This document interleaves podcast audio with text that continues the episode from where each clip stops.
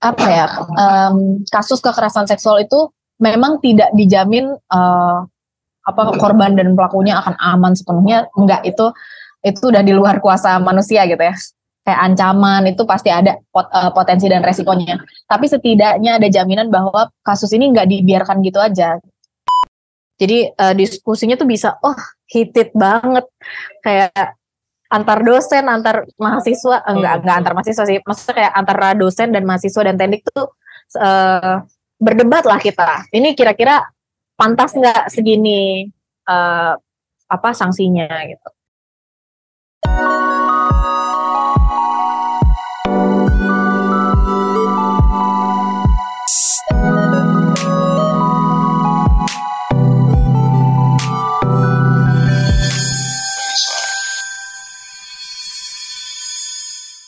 Balik lagi di bagi suara hari ini ada gue Pit dan gue kedatangan hmm, apa ya? Gue nggak tahu apakah udah bisa dibilang aktivis atau belum. Tapi uh, di sini sudah ada Zeni nih dari uh, apa ya bilangnya Zen dari PPKS Visip UI. Gimana Zen? Yes, dari Komite Pencegahan dan Penanganan Kekerasan Seksual Visip UI. Halo semuanya.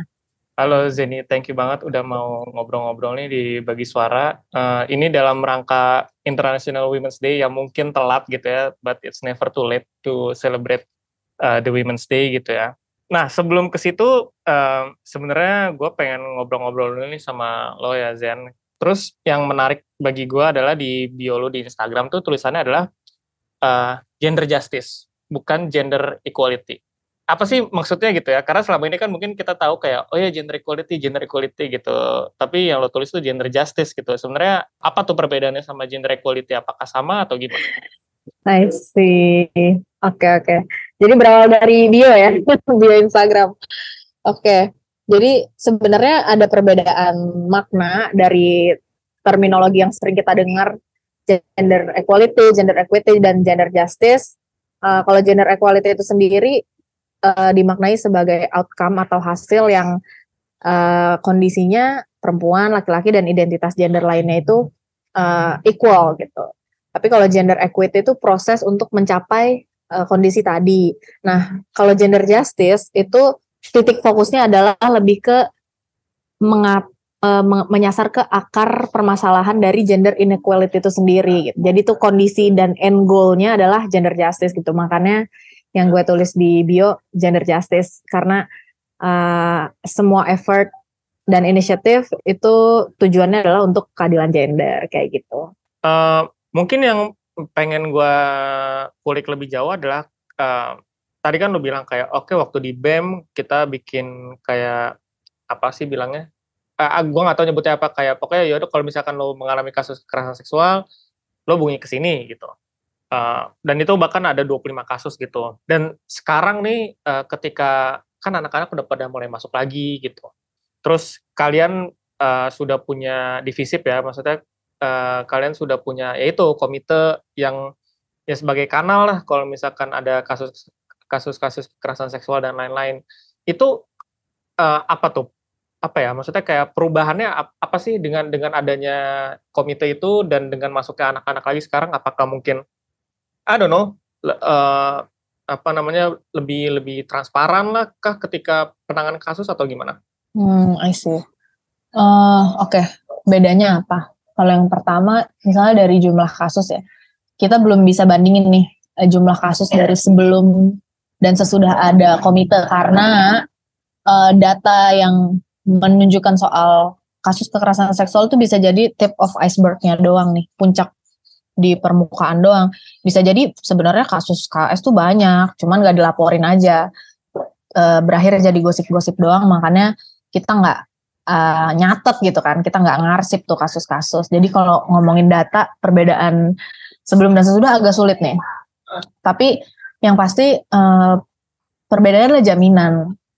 Dengan adanya dasar hukum, dengan adanya komite, apa ya, um, kasus kekerasan seksual itu memang tidak dijamin uh, apa korban dan pelakunya akan aman sepenuhnya enggak itu itu udah di luar kuasa manusia gitu ya kayak ancaman itu pasti ada pot, uh, potensi dan resikonya. Tapi setidaknya ada jaminan bahwa kasus ini nggak dibiarkan gitu aja.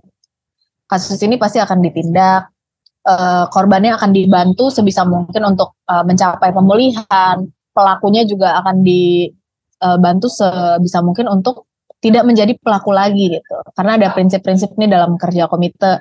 Prinsipnya salah satunya uh, pencegahan keberulangan. Jadi uh, dalam konteks lingkungan pendidikan kita nggak bisa semerta-merta membiarkan pelaku dan korban begitu aja, terutama pelaku, karena ini adalah ruang di mana kita belajar gitu ya di kampus.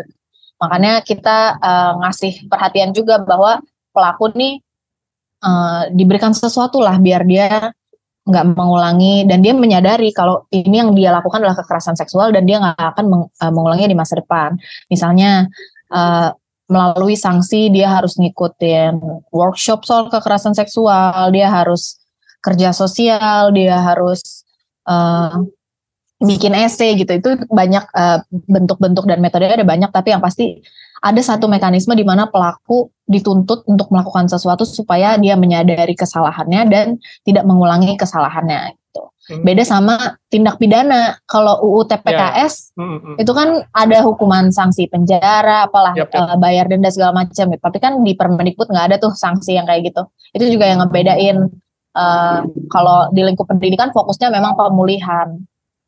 Sedangkan oh. tindak pidana uh, beda lagi gitu hukumnya. Itu sih karena ya penekanan terhadap lingkungan kampus kali ya kalau kita adalah ruang untuk belajar gitu. Kayak gitu.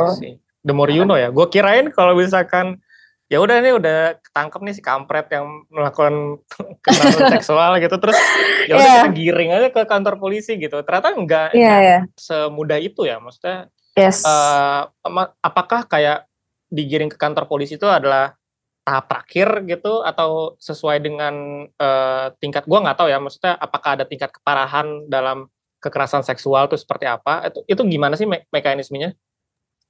Mekanismenya ya kalau di um, lingkup ke komite sendiri setelah kita menerima laporan tentu kita melakukan pemeriksaan misalnya memanggil saksi terus mencatat kesaksian korban dan lain-lain.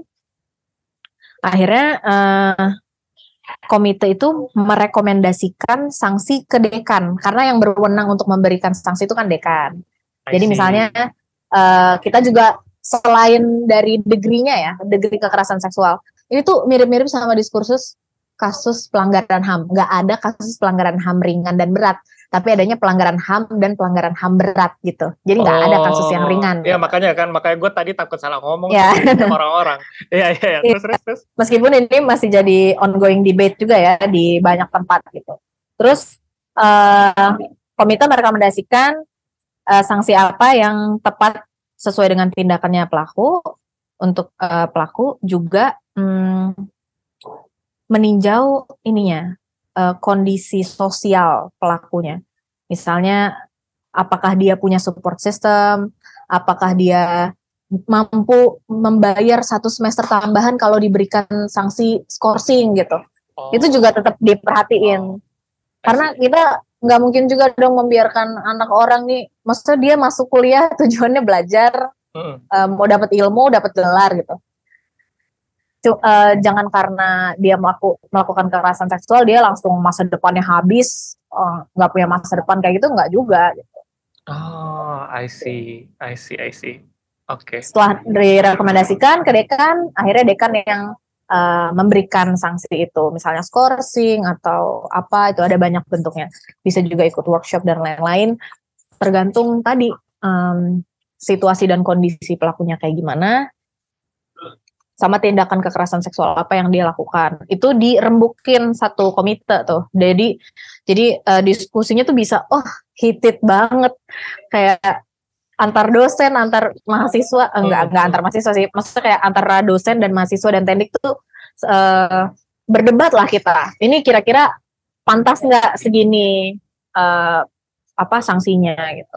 Di sisi lain kita juga memastikan hak-haknya korban terpenuhi. Misalnya kalau korbannya butuh pendampingan psikologis, kita rujuk ke layanan psikologis, terus juga kita juga memastikan apa korbannya korbannya punya temen gak nih? Terus di di peer grupnya dibully atau enggak? Apakah di jurusannya I see. uh, apa namanya di di nggak ditemenin apa enggak nih si korbannya di jurusannya gitu? Itu juga kita tinjau. Kita perhatiin aspek-aspek kayak gitu karena again ini lingkungan pendidikan ya Iya, ini cukup berbeda ya dengan apa yang mungkin biasa kita lihat di Twitter gitu ya. Kalau misalkan Hmm. ada itu ya udah kita rujak aja satu Twitter, satu timeline terus kita giring ke Hmm. kantor polisi gitu ya. Iya iya iya. Betul. eh, ya pendek- pendekatan yang berbeda emang khusus untuk di lingkup pendidikan gitulah ya. Mm-mm, betul. Ya, kasihan juga sih kalau misalkan anaknya ansos terus digiring ke kantor polisi gitu nggak ada temennya siapa-siapa sih. Ya bener sih. Iya, karena dia punya hak dan ini juga kan sebagai pelaku tuh dia punya hak juga loh, hak untuk didengarkan, hak untuk didampingi gitu. Eh, tapi nggak ini ini ini gue penasaran aja sih kayak eh, lo mulai punya apa ya this sense this awareness gitu ya dan kayak keinginan untuk you know benar-benar take charge di usaha-usaha melawan KS nih ini mulai dari kapan sih Zen Eh, masuk kuliah kah SMA kah atau gimana? mulainya ya. I see. Jadi kalau mulainya sih gue dari kelas SMA kelas 3. Waktu itu SMA di mana by the way? eh, oh gue SMA di salah satu SMA negeri di Kota Serang. Oh, Oke. nggak nggak populer.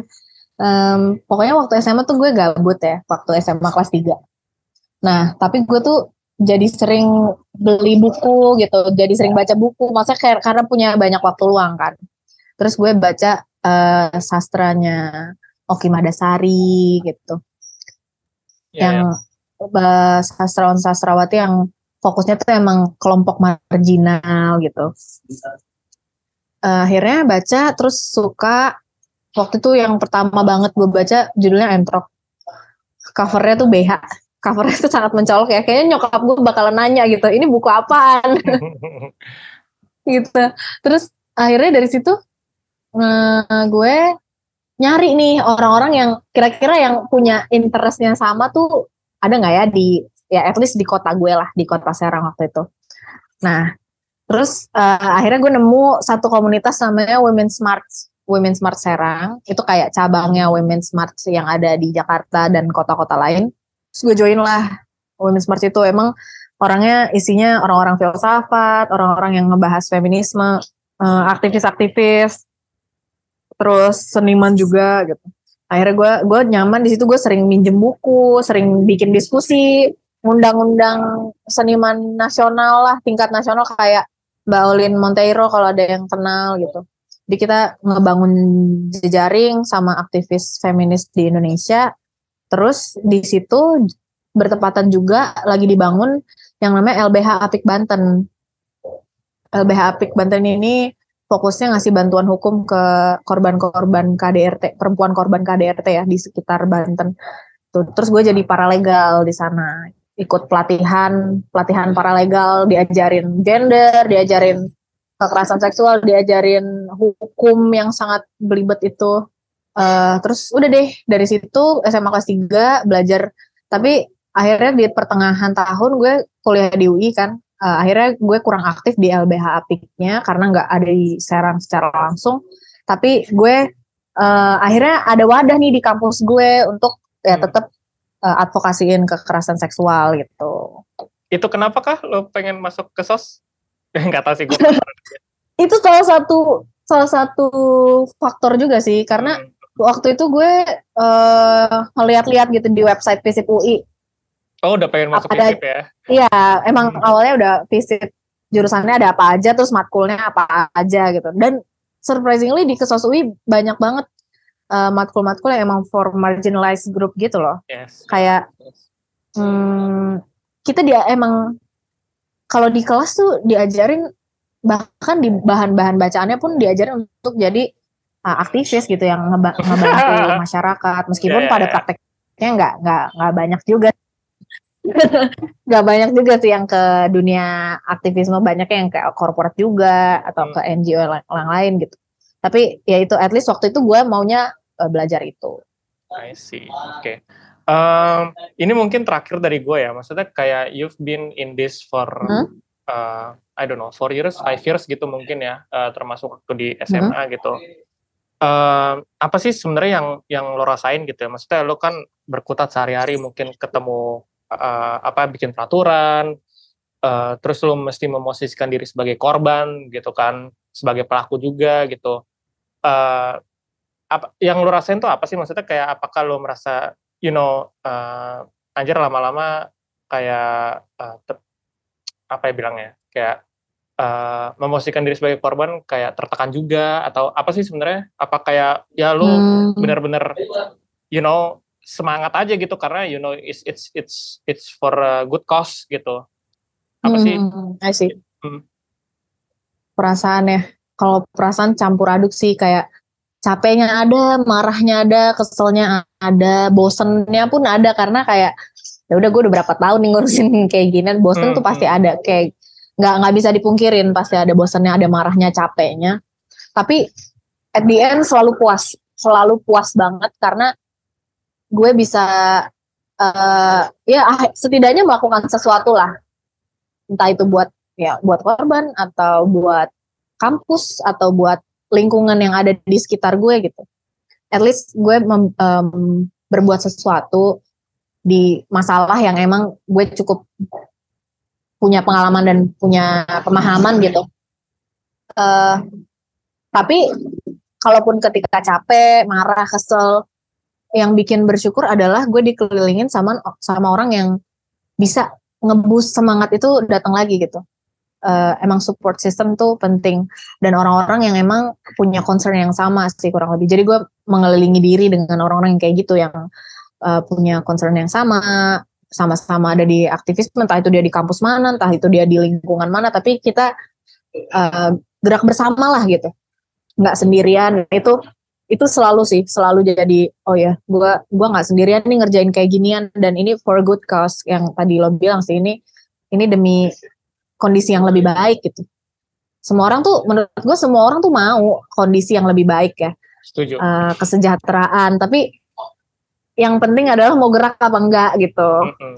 gitu sih kayak gue yakin kalau ngomongin feminisme ngomongin apa anak-anak UI itu banyak yang pintar banyak iya, yang benar. Ya kan? Iya. anak-anak UI itu banyak yang suka debat suka ya, baca buku bedah buku gitu. Itu banyak tapi yang yang kita harapkan kan orang-orang yang bisa gerak langsung untuk mengubah keadaan itu gitu.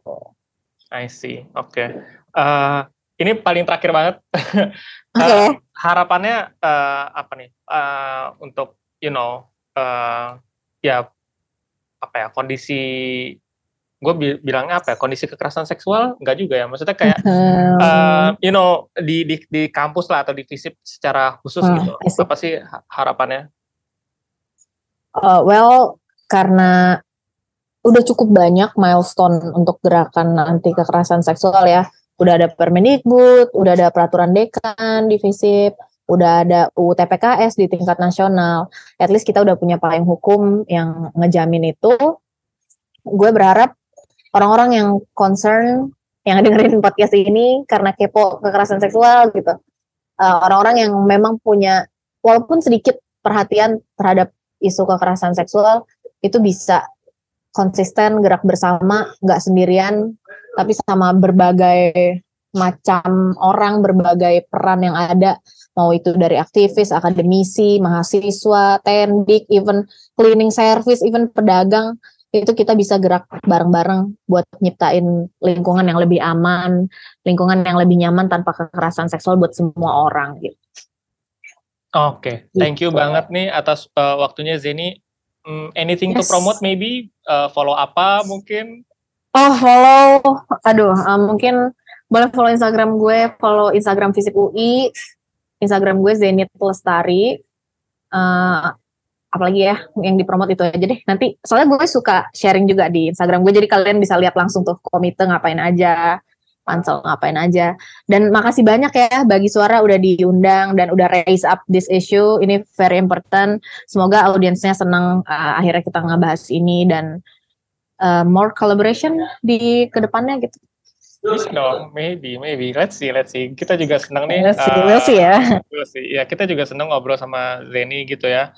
Uh, karena sebelumnya tuh kita udah pernah punya episode mengenai apa ya, mengenai penanganan kekerasan seksual, tapi mungkin di lingkup profesional gitu kali ya. Hmm, Dan apa namanya menarik juga gitu, kayak melihat ternyata oh cukup berbeda ya, karena ini kan di lingkungan hmm. pendidikan gitu. Yang mana kalau lingkungan profesional kan more like ya kayak udah kayak hutan rimba aja gitu maksudnya kayak kalau misalkan emang hmm. lo jadi pelaku ya udah men itu kayak Twitter aja gitu loh dunia profesional dan oh, uh, dan dan lebih yang yang waktu itu kita obrolan maksudnya lebih lebih uh, berorientasi pada korban gitu sedangkan kalau hmm. misalkan tadi dari obrolan kayak oke okay, uh, kita berorientasi pada korban tapi kita juga melihat nih di sisi lain pelakunya seperti apa dan lain-lain so hmm. which, which is nice gitu dan dan uh, ya perspektif baru juga bagi gua thank you banget loh hmm, uh, atas waktunya uh, thank you dan untuk teman-teman bagi suara, thank you banget udah dengerin uh, episode ini. Jangan lupa tadi uh, follow at Zenit Lestari. Uh, Zeni sering sharing-sharing mengenai komite di situ. Dan jangan lupa untuk follow bagi kata hub. Dan pantengin terus bagi suara untuk episode setiap minggunya. Fit signing out.